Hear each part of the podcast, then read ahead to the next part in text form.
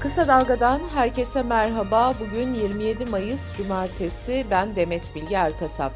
Gündemin öne çıkan gelişmelerinden derleyerek hazırladığımız Kısa Dalga bültene başlıyoruz.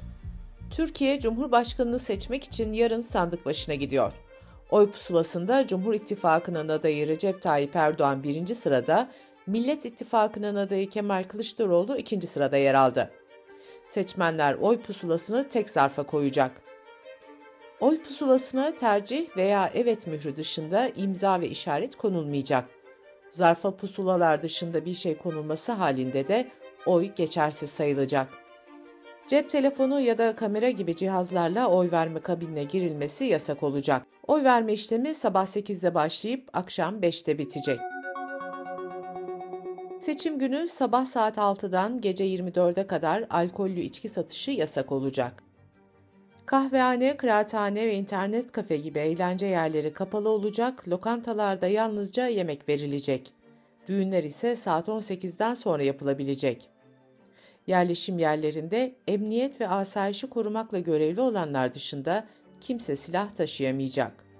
27 Mayıs'ta saat 18'de başlayacak propaganda yasağı 24 saat devam edecek. 28 Mayıs'ta sandıklar kapanana kadar propaganda içeren haber ve yayın yapılamayacak. Saat 18 ile 21 arasında sadece Yüksek Seçim Kurulu'nun seçime ilişkin haber ve tebliğleri yayınlanabilecek. Saat 21'den sonra bütün yayınlar serbest olacak. Yüksek Seçim Kurulu geçen sefer olduğu gibi bu saati daha erkene alabilecek. Seçime bir gün kala heyecan artarken Erdoğan ve Kılıçdaroğlu'ndan karşılıklı suçlamalar ve sert yanıtlar geldi. Cumhurbaşkanı Erdoğan, Kılıçdaroğlu'nun TRT'de yaptığı konuşmada kendisiyle ilgili terör örgütleriyle görüştü sözlerine tepki gösterdi. Erdoğan, iddiasını ispatla mükelleftir. Bunu ispat edeceksin. İspat etmezsen namertsin, dedi.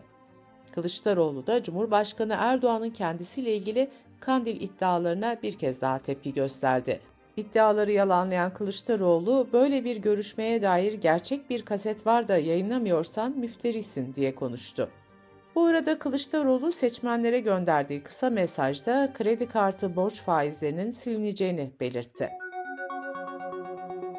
HDP eş genel başkanı Mithat Sancar, Cumhurbaşkanlığı seçiminin bir referandum niteliğinde olduğunu söyledi. Mithat Sancar, Kılıçdaroğlu'nu değişim iradesi taşıdığı için tercih ettiklerini bildirdi. Edirne cezaevinde bulunan eski HDP eş genel başkanı Selahattin Demirtaş da Kılıçdaroğlu'nu Cumhurbaşkanı yapalım, Türkiye nefes alsın. Sandığa gidin, bir nefes için bir oy verin mesajı paylaştı. Deva Partisi Genel Başkanı Ali Babacan ise Erdoğan'ın seçmenlerine seslendi.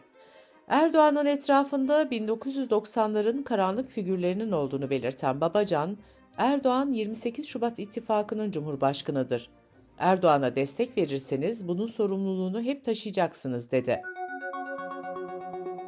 Memleket Partisi Genel Başkanı Muharrem İnce ikinci tura ilişkin kararını belirlemek üzere partisinin yöneticileriyle bir araya geldi. Toplantıdan ikinci turda yarışan Kılıçdaroğlu ya da Erdoğan'a destek kararı çıkmadı. Tipten Hatay milletvekili seçilen Gezi davası tutuklusu Can Atalay'ın avukatları Yargıtay'a tahliye talebinde bulundu. Avukat Eren İşler, bu aşamadan sonra tutuklulukta geçen her gün haksız tutuklamadır dedi. Yüksek Seçim Kurulu gümrükler dahil yurt dışında oy veren seçmen sayısının 1 milyon 905 bin 601 olduğunu duyurdu. İlk turda bu sayı 1 milyon 839 bin 470'ti. Erdoğan yurt dışındaki oyların %57.47'sini, Kılıçdaroğlu ise %39.57'sini almıştı.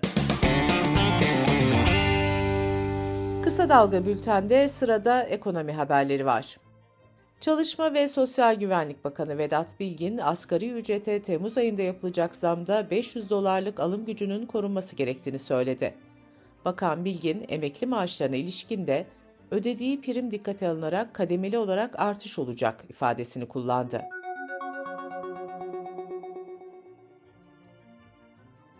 Korumalı mevduat 19 Mayıs haftasında 121 milyar doları aştı. Bu arada dolar kuru seçimden önceki son işlem gününde bankalar arası piyasada 20 lira seviyesini aştı. Bankacılık Düzenleme ve Denetleme Kurumu verileri üzerinden yapılan hesaplamaya göre tüketici kredileri 18 Mayıs haftası itibariyle ikiye katlandı. Merkez Bankası'nın verilerine göre ise ortalama ihtiyaç kredisi faizleri 18 Mayıs haftasında %39.3 seviyesine yükseldi. Böylece ihtiyaç kredisi faizleri Ekim 2018'den bu yana en yüksek seviyeye çıktı. İstanbul Büyükşehir Belediyesi Genel Sekreter Yardımcısı Buğra Gökçe konut krizine ilişkin değerlendirmelerde bulundu. Konut karşılığı vatandaşlık uygulamasının 2017 yılında başladığını hatırlatan Gökçe, 2022'ye kadar yabancılara 274.258 konut satıldığı bilgisini verdi. Gökçe, vatandaşlarımızın yaşadığı konut krizi son bulana kadar yabancılara konut satışı durdurulmalı, dedi. Dış politika ve dünyadan gelişmelerle bültenimize devam ediyoruz. Birleşmiş Milletler Rusya-Ukrayna savaşında 8895 sivilin yaşamını yitirdiğini duyurdu. 15 binden fazla sivil de yaralandı. Sadece Mayıs içinde 133 sivil hayatını kaybetti. Ukrayna Devlet Başkanı Zelenski, yoğun çatışmaların yaşandığı Bahmut'ta esir düşen 106 Ukrayna askerinin daha ülkeye döndüğünü duyurdu. Yunanistan'ın Mikanos adası açıklarında batan mülteci teknesinden iki kişi sağ kurtarıldı. Üç kişinin hayatını kaybettiği olay sonrası en az 12 kişinin de kaybolduğu belirtiliyor. İtalya'da 15 kişinin ölümüne yol açan sellerde kitaplar ve sanat eserleri de zarar gördü.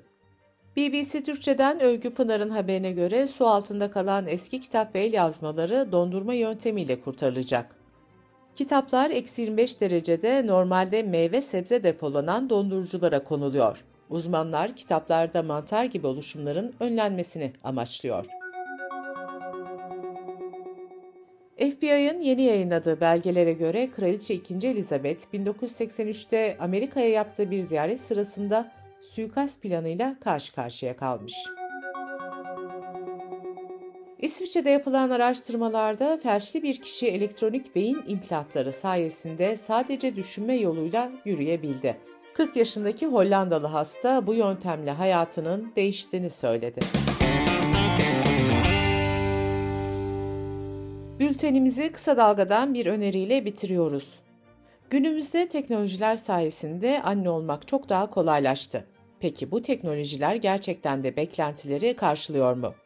Gazeteci Beril Eski'nin podcast serisini kısa dalga.net adresimizden ve podcast platformlarından dinleyebilirsiniz. Gözünüz kulağınız bizde olsun. Kısa Dalga Medya.